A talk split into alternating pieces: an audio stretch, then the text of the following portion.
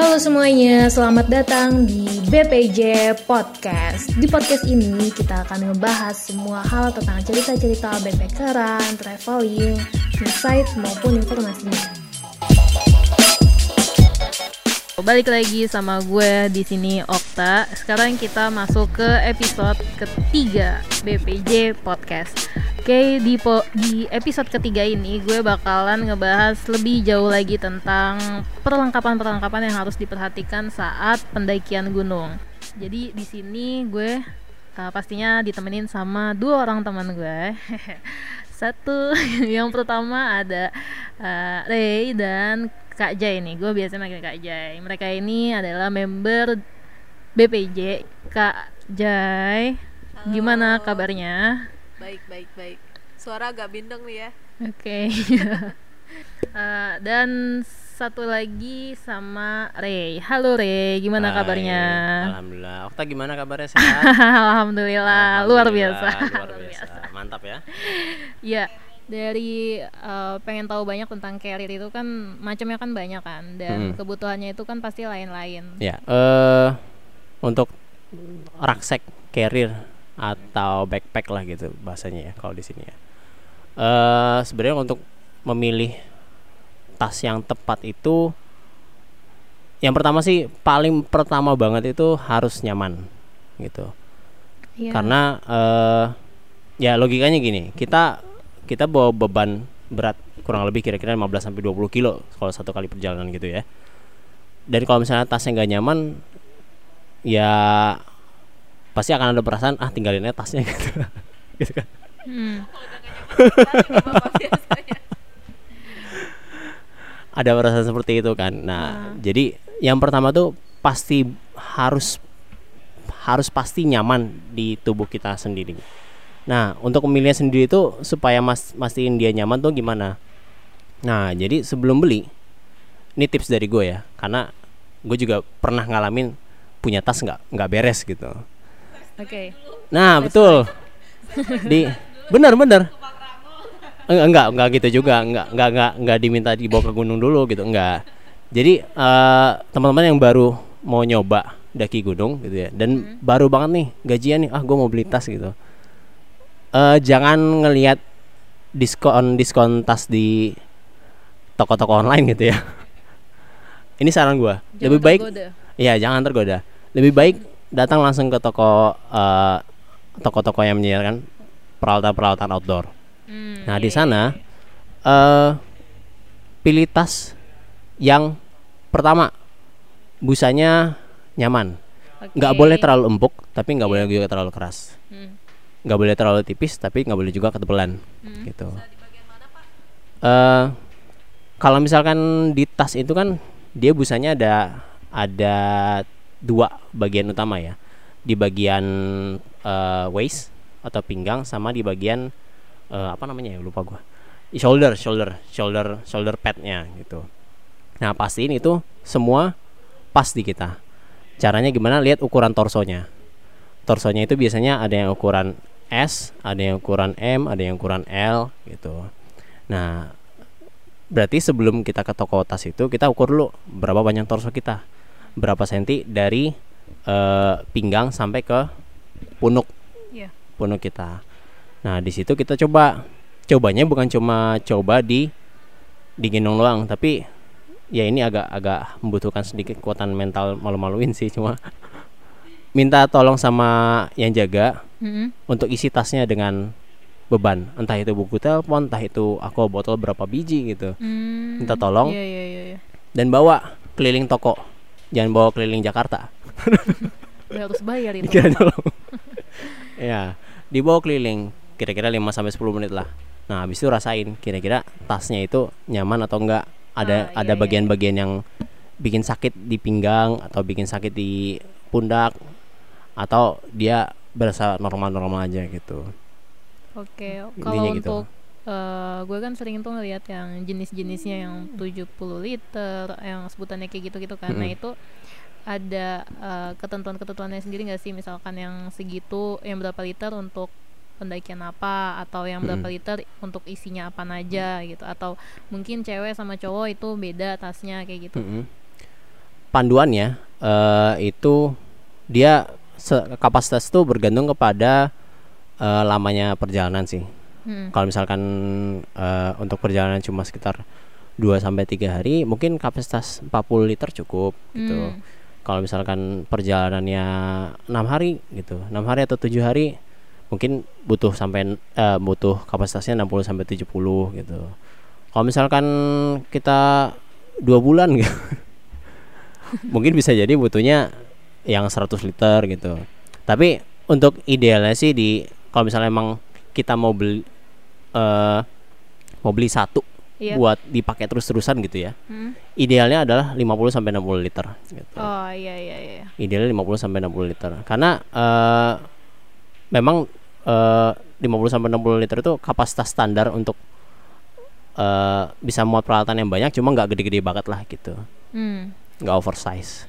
Tapi itu balik lagi ke preferensi masing-masing sih. Karena kan ada juga orang yang eh, ah gue sukanya pakainya yang 75 gitu kan. Yang gede-gede jadi apa aja muat banyak gitu. Ada yang suka ah gue sukanya makainya yang kecil-kecil jadi gue pakai 40 liter. Itu balik lagi ke preferensi masing-masing. Tapi Hah? eh, ada tapinya nih. Biasanya kapasitas tas eh kapasitas dari tas itu sendiri mempengaruhi eh apa ya? manajemen juga. Ah, Karena gini. tuh? eh misalkan tas lu 70 liter gitu.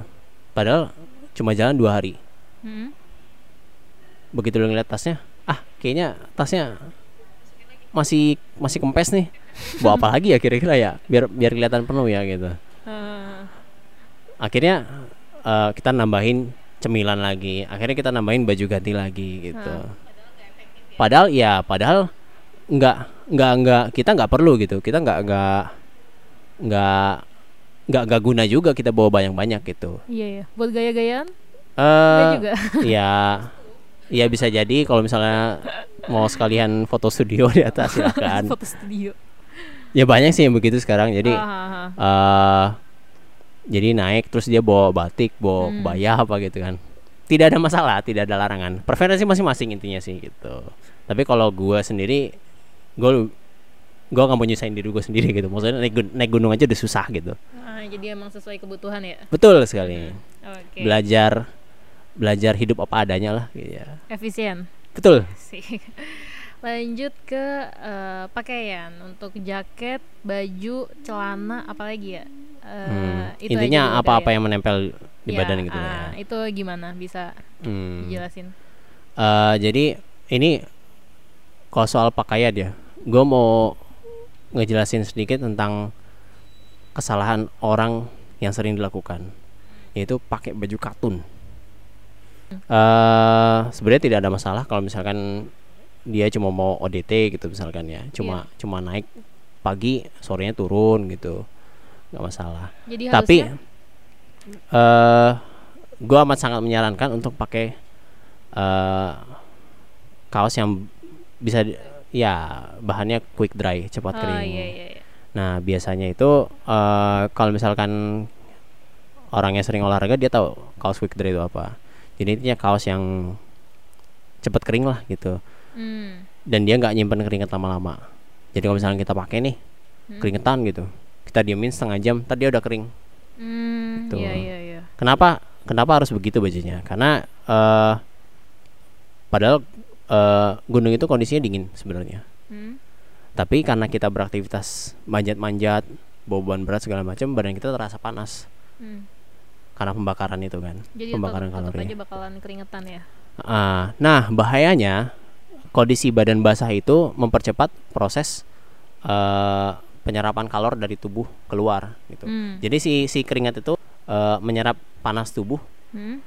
dan ngeluarin panas tubuh itu keluar.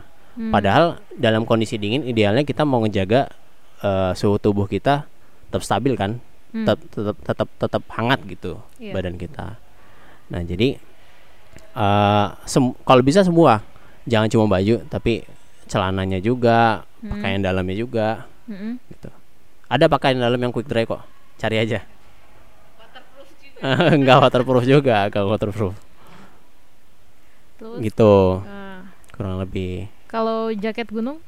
Nah, kalau jaket itu sendiri eh jadi standar itu sebenarnya jaket itu ada dua.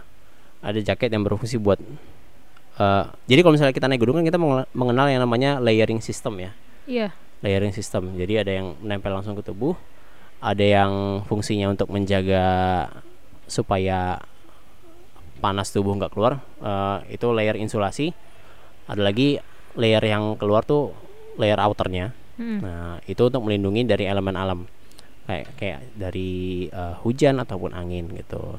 Nah, dari jaket sendiri juga sebenarnya terjadi baginya dua kan berarti. Ada jaket eh, ada jaket insulasi, ada lagi jaket eh, untuk melindungi dari elemen. Mm. Nah itu gimana tuh? Nah, pembagiannya sendiri eh jaket insulasi insulasi itu sendiri dia ada dua bahannya biasanya. Iya. Dari fleece Hmm. atau dari eh, down namanya. Down. Nah, down itu sendiri juga ada ter- terbagi lagi ada yang dari duck down, ada yang dari goose down, ada yang Ah. dari sintetik gitu. Terbagi Oh. beberapa. Nah, terus outernya sendiri biasanya bahan dari polyester, bisa windproof, bisa waterproof gitu. Ah. Tapi kalau saran gua eh, karena memang di Indonesia ini gunung yang eh, tidak bermaksud sombong gitu, tapi memang nggak terlalu dingin lah dibandingkan di luar ya. Karena tropis juga ya. Ya betul Ah. karena iklim tropis gitu kan. Jadi eh, saran gua untuk bagi yang ingin menghemat budget gitu, Hmm. sekalian beli yang satu two in one gitu. Jadi yang luarnya windproof, dalamnya fleece. Oh, jadi Ah. emang jaket gunung itu khusus lah ya. Ah, Iya. Cuma resikonya memang eh, jaket itu jadinya memakan space yang lebih banyak dibandingkan kalau misalnya lo beli terpisah. Maksudnya beli jaket insulasinya sendiri, beli jaket eh, windproof atau proofnya sendiri gitu. Hmm. Karena jaket itu biasanya jadinya lebih bulky gitu. Eh, terus dapat referensi sih kalau bisa kalau pakai baju-baju di outdoor itu warna-warnanya cerah Ah ya betul, sih betul, kenapa betul. kalau kayak gitu Takutnya nanti kalau misalkan kita ke mana gitu susah dicarinya gitu. oh gitu jadi kalau saya pakai warna orange wah itu dia dari jauh Hmm, takutnya dikira meong gimana? kalau pakai warna hijau juga nyaru ya sama Iya, pohon jadi takutnya nggak gitu. kelihatan. Misalkan dalam kondisi survival gitu ya. Kondisi survival kita dalam kondisi nyasar Ah, nggak tahu ke mana. Nah pakai baju warna-warna cerah kayak warna kuning glow in warna the dark. Iya boleh boleh. Glow in the dark. Ada neon-neonnya gitu ya boleh gitu. Intinya memudahkan eh, yang mencari kita untuk menemukan kita gitu. Karena kalau misalnya kita pakai baju warna hijau atau warna coklat gitu kan nyaru dengan lingkungan kan mungkin dari maintenance misalnya jaket kita udah windproof nih luarnya eh, ada lilinnya gitu kan apakah ada cara khusus untuk mencucinya gitu Oke, kalau pera- eh, perawatan jaket ya. Jadi eh, betul banget tuh tadi. Jadi jaket windproof atau waterproof itu kan dia punya lapisan namanya DWR atau Iya. eh, durable water repellent gitu kan. Mhm. Jadi DWR itu sendiri sebenarnya adalah coating di bagian luar jaket yang fungsinya untuk membuat jaket seperti daun talas gitu. Jadi air tuh nggak menyerap Oke. ke dalam jaket gitu. Iya. Jadi jaket waterproof itu juga sebenarnya efektivitasnya akan berkurang kalau DWR-nya berkurang gitu. Nah, perawatannya misalkan nih eh, jaketnya udah dipakai berkali-kali. eh, udah bau, udah kotor gitu kan. Nah, kita mau nyuci. Hmm. Nyucinya eh, rekomendasinya adalah nyuci di air hangat, bukan Mhm. air mendidih, air hangat ya. air yang Ah. eh, di mana kita masih merasa nyaman untuk masukin tangan ke situ Iya. dan nyucinya pakai sampo bayi. Nah, kenapa tuh? Jangan pakai deterjen, apalagi deterjen bubuk. Hmm. Karena deterjen bubuk itu keras dan itu akan Pengaruhnya? merusak eh, sekali masuk itu pasti bakal ngerusak si DW DWR dari si jaket itu. Oh, iya iya iya. nah, iya. berbeda dengan sampo bayi yang eh, bisa dibilang mild gitu. Bahan kimianya mild lah, jadi nggak nggak nggak begitu ngerusak si DWR-nya itu. Tapi tetap seiring pemakaian si DWR itu bakal tetap hilang. Jadi misalkan jaket udah dipakai setahun nih, eh, jaket yang tadinya waterproof yang tadinya udah kayak daun talas, lama-lama eh, ya lama-lama nggak rembes sebenarnya. Jadi eh, kalau ada yang mikir, mikir itu rembes itu nggak rembes Iya. karena di dalamnya itu masih ada lapisan waterproof lagi. gitu. Oh. Tapi fungsi eh, apa namanya fungsi insulasinya jadi berkurang karena airnya tetap basah kan tetap nempel gitu loh nempel ke kulit walaupun airnya nggak tembus Iya. gitu loh jadi tetap akan mengurangi efektivitas si jaket Eh setelah eh pakai air hangat itu direndam aja.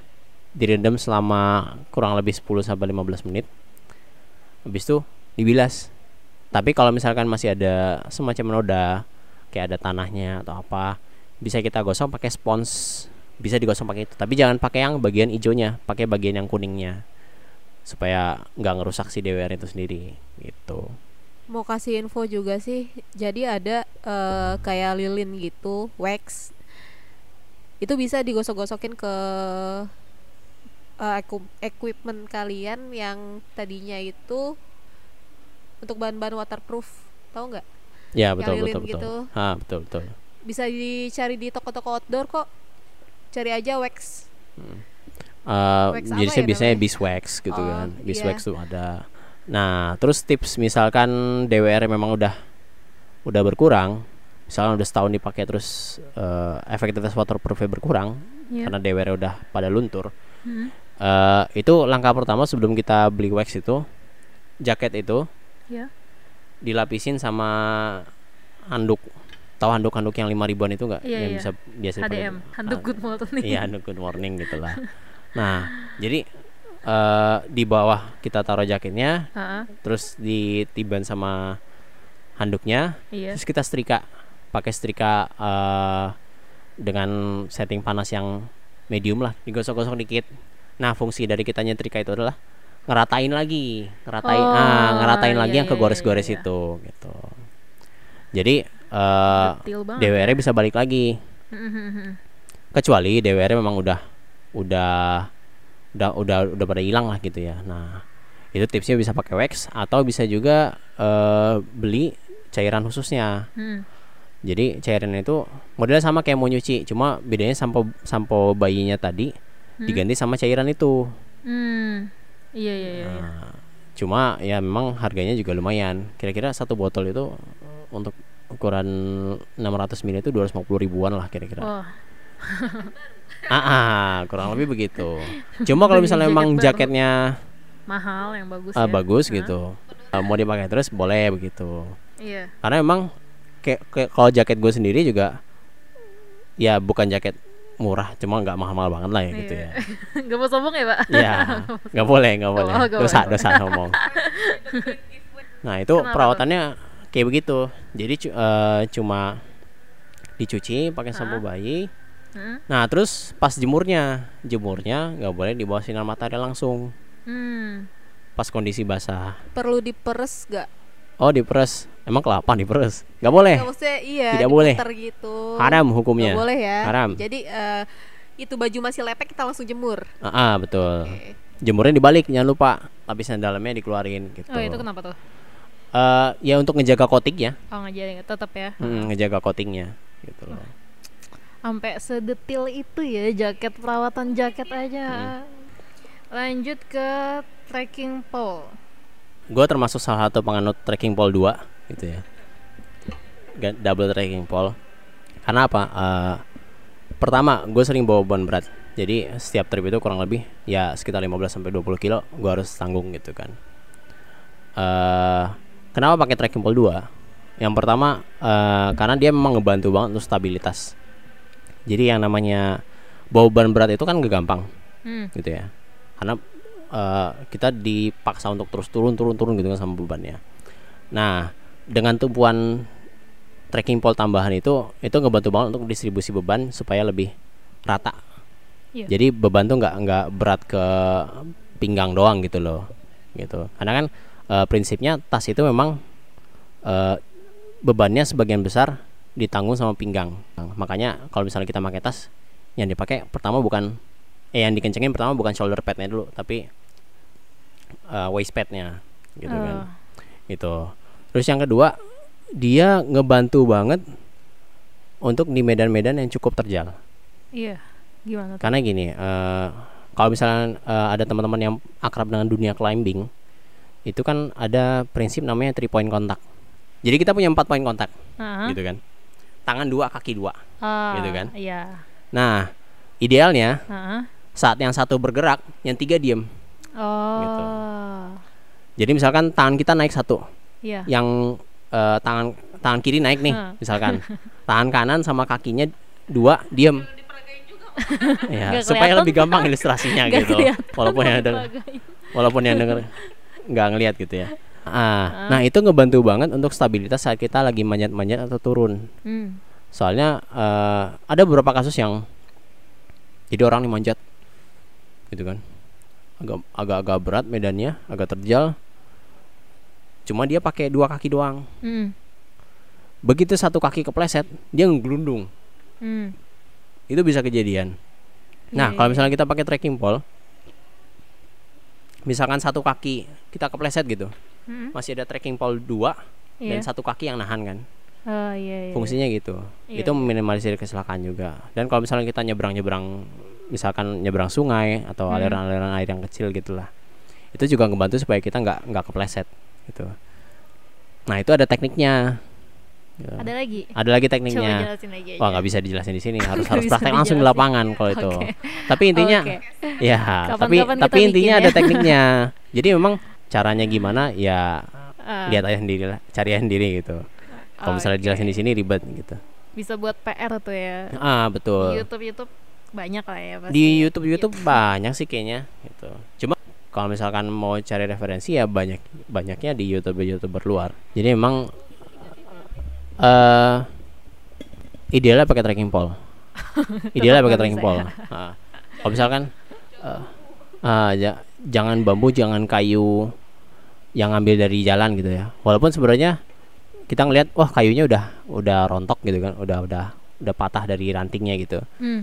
Tapi ada prinsip eh, jadi jangan pernah ambil apa pun yang ada di alam Iya. leave no trace lah ah leave no trace sorry itu leave no trace Ya pokoknya Hmm. kalau ada trackpole ya jangan pakai bambu Ah. atau ranting-ranting yang masih ada. idealnya trekking pole yang pertama pastinya bisa diatur tingginya gitu kan karena kan eh ini ngaruh lagi ke cara jalan nih cara Ah, jangan ah. cara jalan dengan trekking pole idealnya setinggi apa sih gitu Hmm. Nah, itu bisa kita atur supaya karena gini, trekking tinggi trekking pole yang digunakan untuk naik dan turun tuh beda. Idealnya yang naik lebih pendek, yang turun lebih panjang.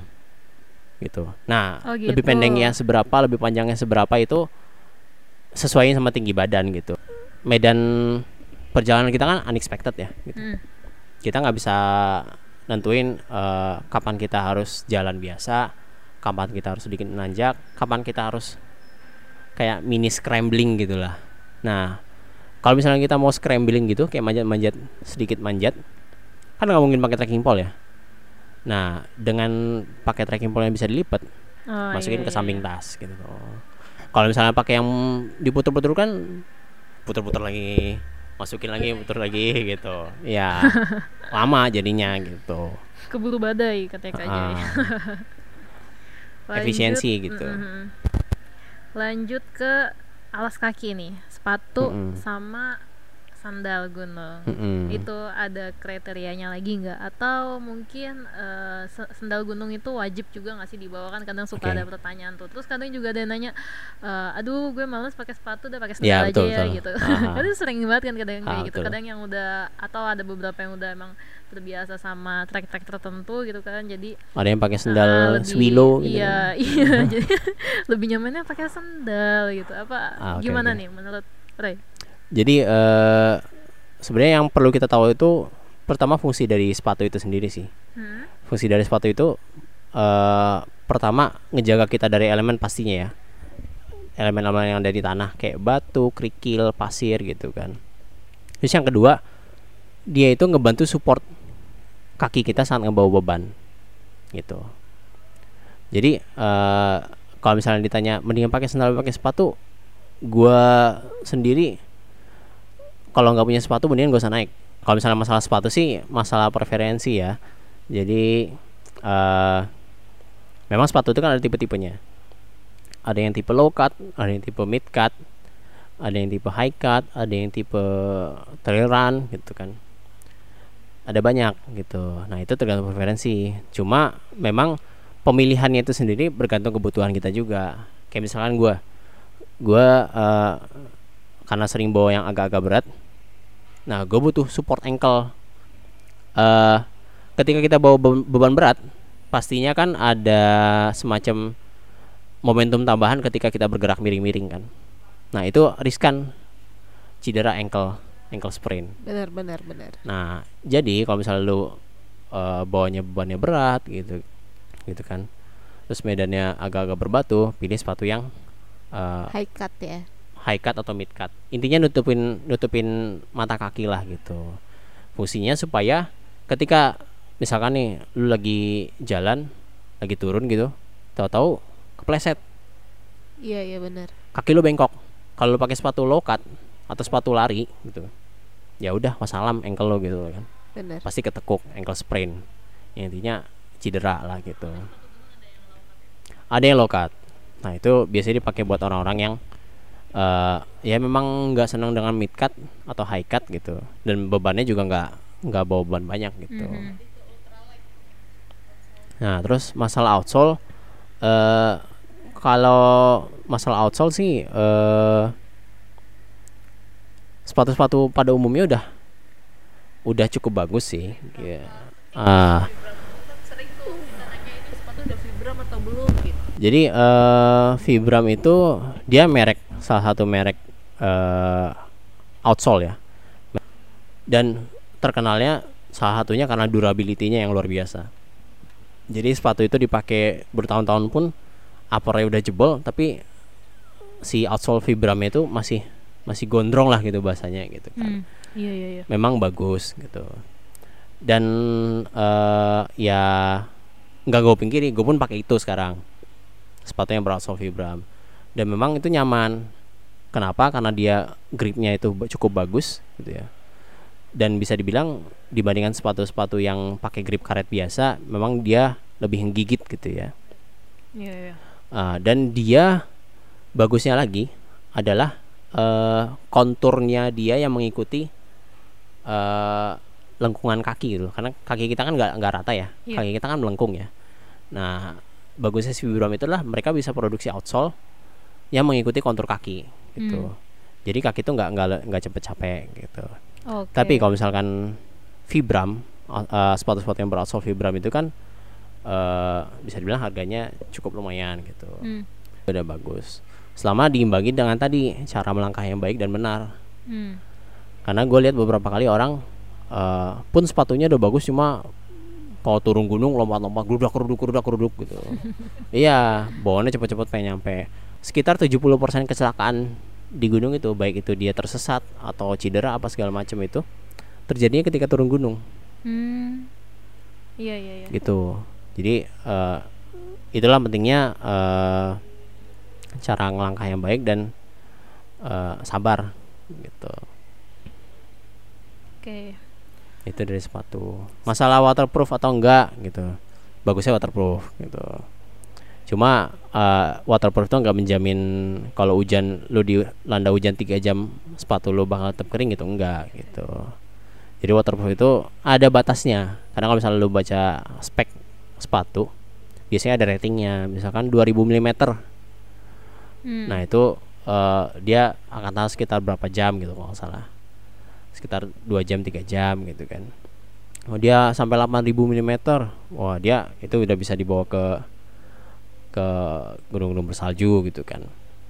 Kalau lebih gitu.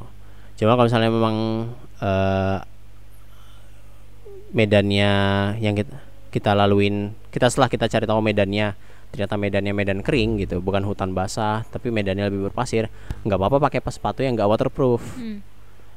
karena ada beberapa model sepatu yang eh, yang gue tau sih kayak kayak semacam Adidas gitu kan dia ngeluarin sepatu yang breathable banget tapi nggak waterproof Ah iya iya iya. nah dan itu ringan nah, boleh lu pakai itu selama medannya nggak nggak berair nggak becek nggak berlumpur gitu Oh, iya. Oke. Tapi kalau misalnya lu mau beli satu sepatu buat semua medan ya mendingan beli yang waterproof sih gitu Sekalian yang bagusnya lah ya. betul Hmm. intinya eh, kita nyari value for money lah gitu Oke. Terus lanjut ke tenda, fly seat, hammock, sleeping bag sama matras. Itu mungkin disingkat aja kali ya. Oke. Itu bisa kita bilang sleeping system kali ya. Sleeping system. Kalau sleeping system itu pertama dari tenda. Tenda itu memilih tenda itu eh bergantung kepada tadi yang dijelasin sama Kak Jai di awal, manajemen perlengkapan ya. Iya. Jadi eh, kalau misalnya orangnya berapa eh bawanya harus yang kapasitas berapa atau berapa buah gitu. Iya. Cuma kalau gue sendiri mengambil prinsip mendingan bawa yang kapasitas dua Mm-mm. Untuk berapapun eh, orangnya. Misal, jadi misalkan gini nih, eh, lo berlima, Mm-mm. bawa aja tiga tenda yang kapasitas dua. Kenapa tuh? Karena gini, misalkan lo berlima, biasanya orang ah udahlah pakai yang kapasitas empat aja muat kok gitu. Ya kalau misalnya yang mau sih nggak apa-apa. Cuma kalau gue berprinsip tidur itu adalah salah satu momen saat naik gunung yang ber, di mana eh yang di mana harus benar-benar berkualitas tidurnya. Pastinya harus double layer ya. Jangan Hmm. pakai tenda camping yang single layer karena di gunung itu dingin pasti bakal ada embun kondensasi gitu kan. Nah, kalau misalnya kita pakai yang single layer itu airnya pasti masuk langsung langsung masuk ke tenda gitu kan. Iya iya iya. Otomatis tendanya jadi lebih dingin. Hmm. Gitu. Nah, terus eh kalau misalnya kita pakai yang double layer, kondensasinya nempelnya di outer layer pastinya. Inner layernya nggak nggak kena. Jadi kita lebih Oh, iya, lebih iya. aman lah gitu. Dari dari lebih hangat lah tendanya gitu. Masalah pakai footprint atau enggak tergantung tendanya juga. Kalau misalkan eh, floornya floor floor si tenda itu terpal gitu kan nggak usah pakai footprint nggak apa-apa cuma kalau Hmm. misalnya dia floornya pakai polyester Hmm. baik pakai footprint Hmm. tadinya sobek gitu kan itu preferensi sih ada yang senang pakai matras eh, karet ada yang pakai matras aluminium Hmm. ada juga yang pakai matras eh, matras angin ya Hmm. ada beberapa brand sekarang ngeluarin matras angin yang ya bagus lah gitu bisa dibilang bagus gitu itu preferensi masing-masing cuma memang ada plus minusnya sendiri kalau matras karet dia durable Hmm. Cuma makan space-nya agak banyak. Hmm. gitu ya. Kalau matras aluminium ya dia lebih hangat karena ada aluminiumnya gitu ya. Jadi mantulin panas tubuh. Terus kalau misalnya matras angin dia ini yang paling bagus sebenarnya paling enak. Karena dia pertama empuk pastinya karena isinya angin. Terus kedua nggak makan space banyak dan ringan. Oh, tapi resikonya dia ada puncture. Apa tuh? eh ada bocornya lah gitu, Oh, iya, ada iya. bocornya gitu. Nah, resikonya di situ. Itu preferensi. Nah, terus masalah sleeping bag ini juga ya balik lagi ke masalah preferensi lagi sih. Sleeping bag kan ada yang dari modelnya kayak kotak gitu, gitu kan. Itu bahannya fleece, ada yang Mhm. dari sintetis, ada yang pakainya duck down. Hmm. Kayak sekarang yang lagi, lagi populer pakai duck down tuh begonia kalau nggak salah ya. Begonia tuh brand lokal baru terus yang lain ngikutin gitu kan ada yang pakai goose down Hmm. nah kalau misalkan eh gue sih menyarankan eh, kalau misalkan memang cuma ke gunung-gunung yang bisa dikategorikan masih sekitar tiga ribuan nggak jauh-jauh Hmm. pakai yang fleece itu pun cukup gitu Iya. asal matrasnya juga benar gitu karena eh, yang pertama eh, harga yang lain tuh agak mahal ya harga yang sintetis maupun yang eh, natural down gitu.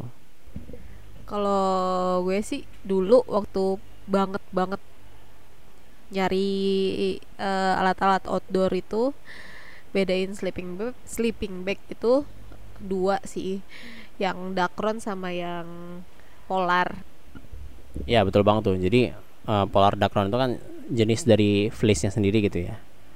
Dan memang eh, sebenarnya eh, konsepnya gini sleeping bag itu nggak menghangatkan tapi menjaga suhu tubuh jadi kalau misalkan suhu tubuh lo awalnya dingin pasti bakal tetap dingin pas masuk sleeping bag gitu makanya sebaiknya pasti sebelum tidur kalau bawa botol air angetin tuh botol air, eh, air masukin ke botolnya taruh ke dalam sleeping bag supaya sleeping bagnya anget gitu Oh iya iya iya. iya. jadi konsepnya gitu sama kayak jaket juga dia tidak menghangatkan tapi dia menjaga suhu Jaga tubuh suhu tubuh. supaya nggak nggak hilang gitu. Prinsipnya gitu. Tapi memang kapasitasnya itu sendiri berbeda-beda kemampuannya dia. Ya yang polar segimana yang sintetis segimana yang eh, natural down segimana gitu kan. Nah paling kalau misalkan saran gua kalau misalkan pakainya yang model polar atau dark round itu kalau misalnya memang masih agak dingin beli yang namanya ya emergency blanket nah emergency Hmm. blanket. Eh, tapi bukan yang emergency kan gua kalau nggak salah tuh ada yang modelnya eh BV thermal BV sorry thermal BV beli thermal BV nah itu harganya juga nggak mahal sekitar 150 ribuan lah kalau nggak salah. Nah itu ngebantu banget kalau misalkan dirasa wah eh, masih terlalu dingin gitu kan. Nah jadi eh, kita masuk sleeping bag sleeping bagnya juga masuk ke dalam BV itu. Nah itu ngebantu banget buat ngejaga suhu tubuh kita supaya tetap hangat lah gitu. Jadi selain sepatu sebenarnya ada komponen lain yang penting di alas kaki yaitu kaos kaki. Hmm.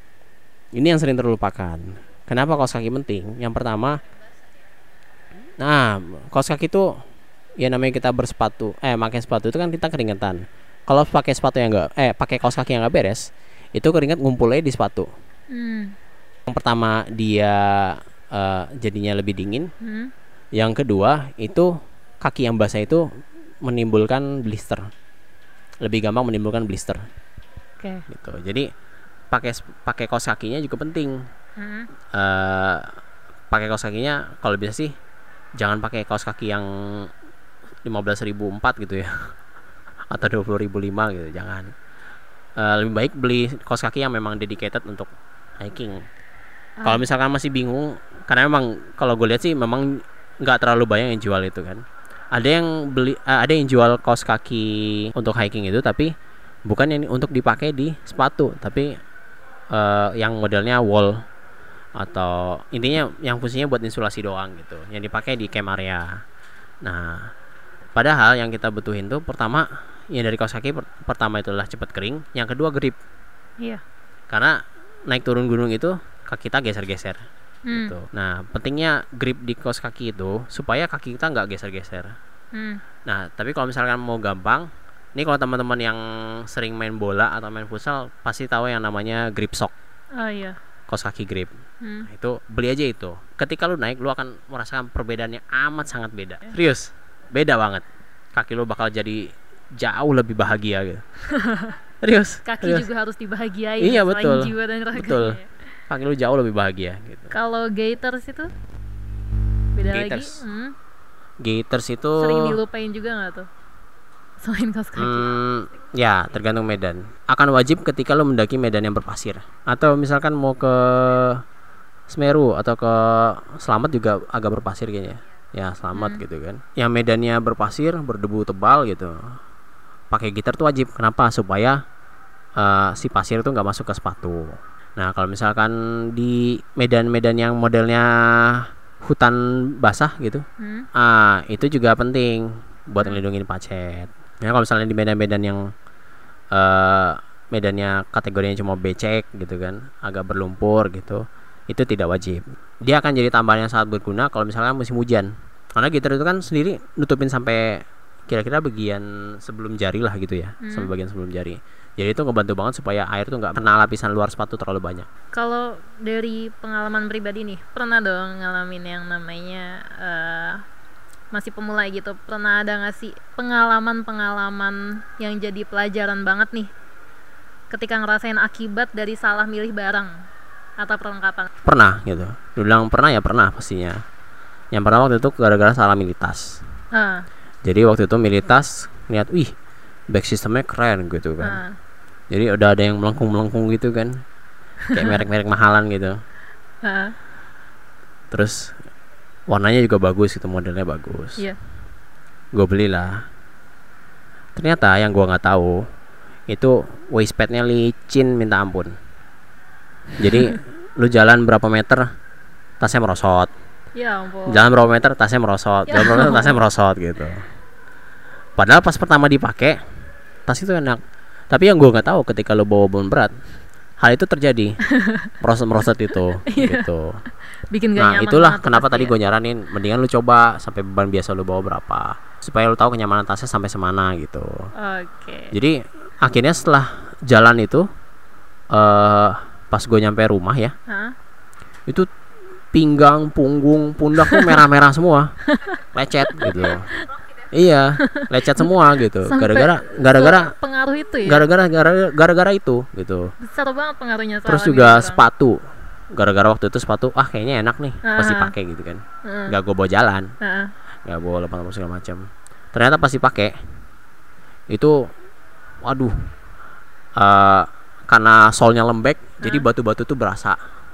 Eh pasti pakai turun Hmm. karena waktu itu kaos kakinya gue masih pakai kaos kaki biasa. Ya gitu merosot. Akhirnya jempolnya mentok jempolnya mentok jempolnya mentok. Dan pulang-pulang itu ya kayak biru-biru gitu. Kalau aku pribadi sih salah milih barak. Nggak pernah deh kayaknya. Tapi nggak didik ada dan aku di bawah.